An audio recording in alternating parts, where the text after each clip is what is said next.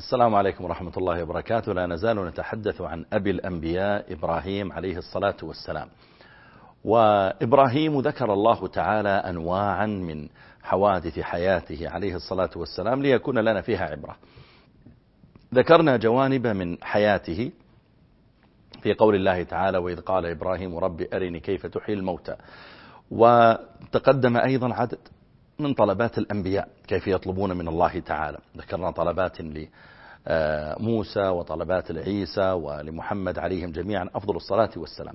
من ذلك أيضا أن موسى عليه السلام قال يا ربي علمني دعاء أدعوك به.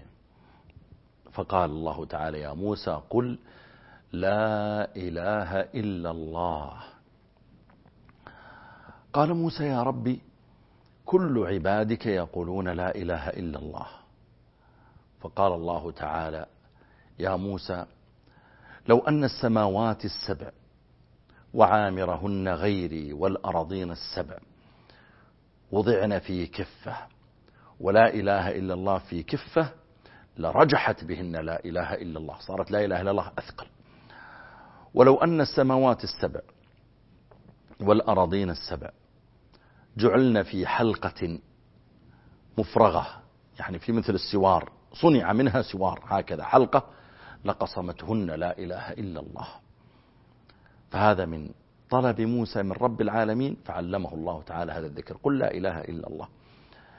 وإذ قال إبراهيم رب أرني كيف تحيي الموتى؟ طلب. قال أولم تؤمن؟ ألم تؤمن أني أحيي الموتى؟ أولم تؤمن؟ قال بلى.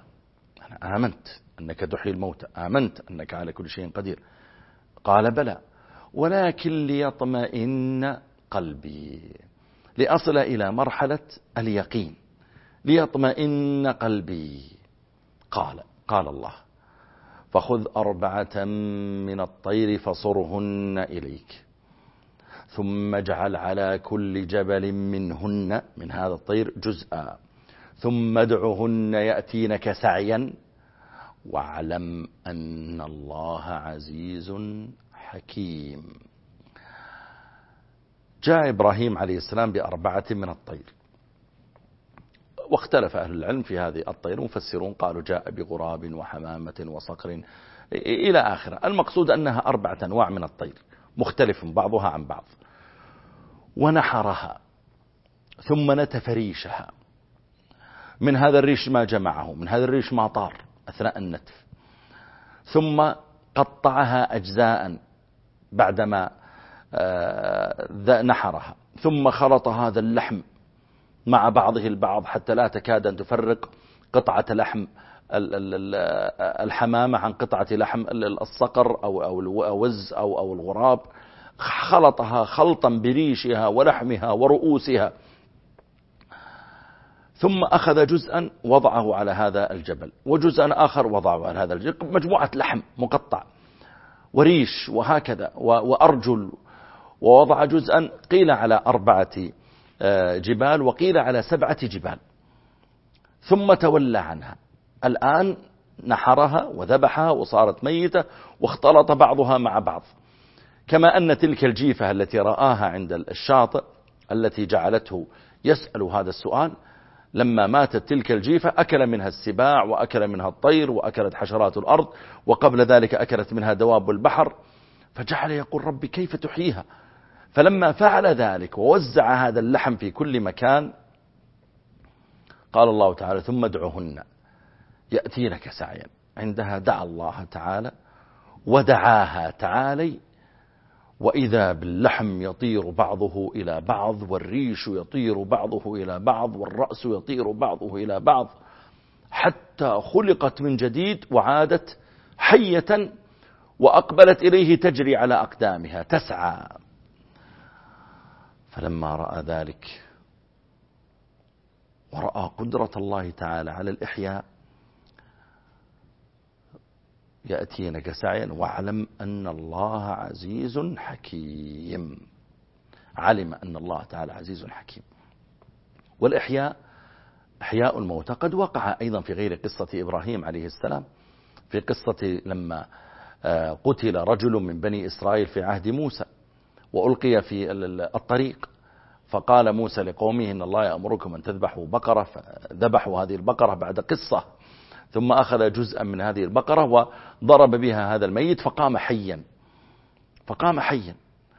وقال الله تعالى عن أقوام ألم تر إلى الذين خرجوا من ديارهم عن قوم بني إسرائيل وهم ألوف حذر الموت خافوا من الموت أن ينزل بهم. فقال لهم الله موتوا ثم أحياهم.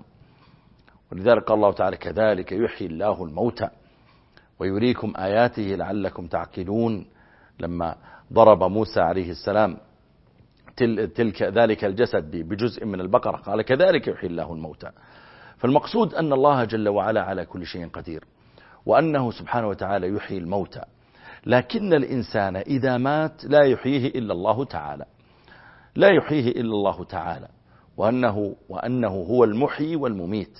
ولذلك اليوم مهما تطور الطب جاءت النصوص الشرعية أن الميت الروح إذا خرجت لا يمكن أن تعود. لا يعيدها إلا الله تعالى. مهما تطور الطب اليوم لو مات إنسان وقيل احفظوه في ثلاجة في تبريد سنة وسنتين وعشر ومئة سنة لعله يتطور الطب ونستطيع أن نحييه هذا لن يكون أبدا. ولذلك الذي يحيي ويميت هو رب العالمين. وإذا وقد قضى الله تعالى أن الإنسان إذا مات فإنه لا يحييه إلا الله جل وعلا. وهو سبحانه وتعالى الذي يحيي الموتى وإذا نفخ في الصور أحيا الله تعالى الناس. فهذه من قصص إبراهيم عليه السلام. رب أرني كيف تحيي الموتى فأراه الله تعالى كيف يحيي هؤلاء الموتى. بقي من قصص إبراهيم عليه السلام أعاجيب. فإن إبراهيم عليه السلام له قصة في بناء الكعبة. وإبراهيم عليه السلام له قصة مع آه، ولادة نبي الله تعالى إسماعيل وولادة نبي الله إسحاق.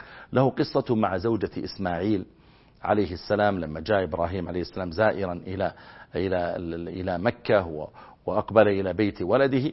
كل ذلك سيأتي معنا بإذن الله في الحلقات القادمة. أسأل الله لي ولكم التوفيق وصلى الله على نبينا محمد. والسلام عليكم ورحمة الله وبركاته.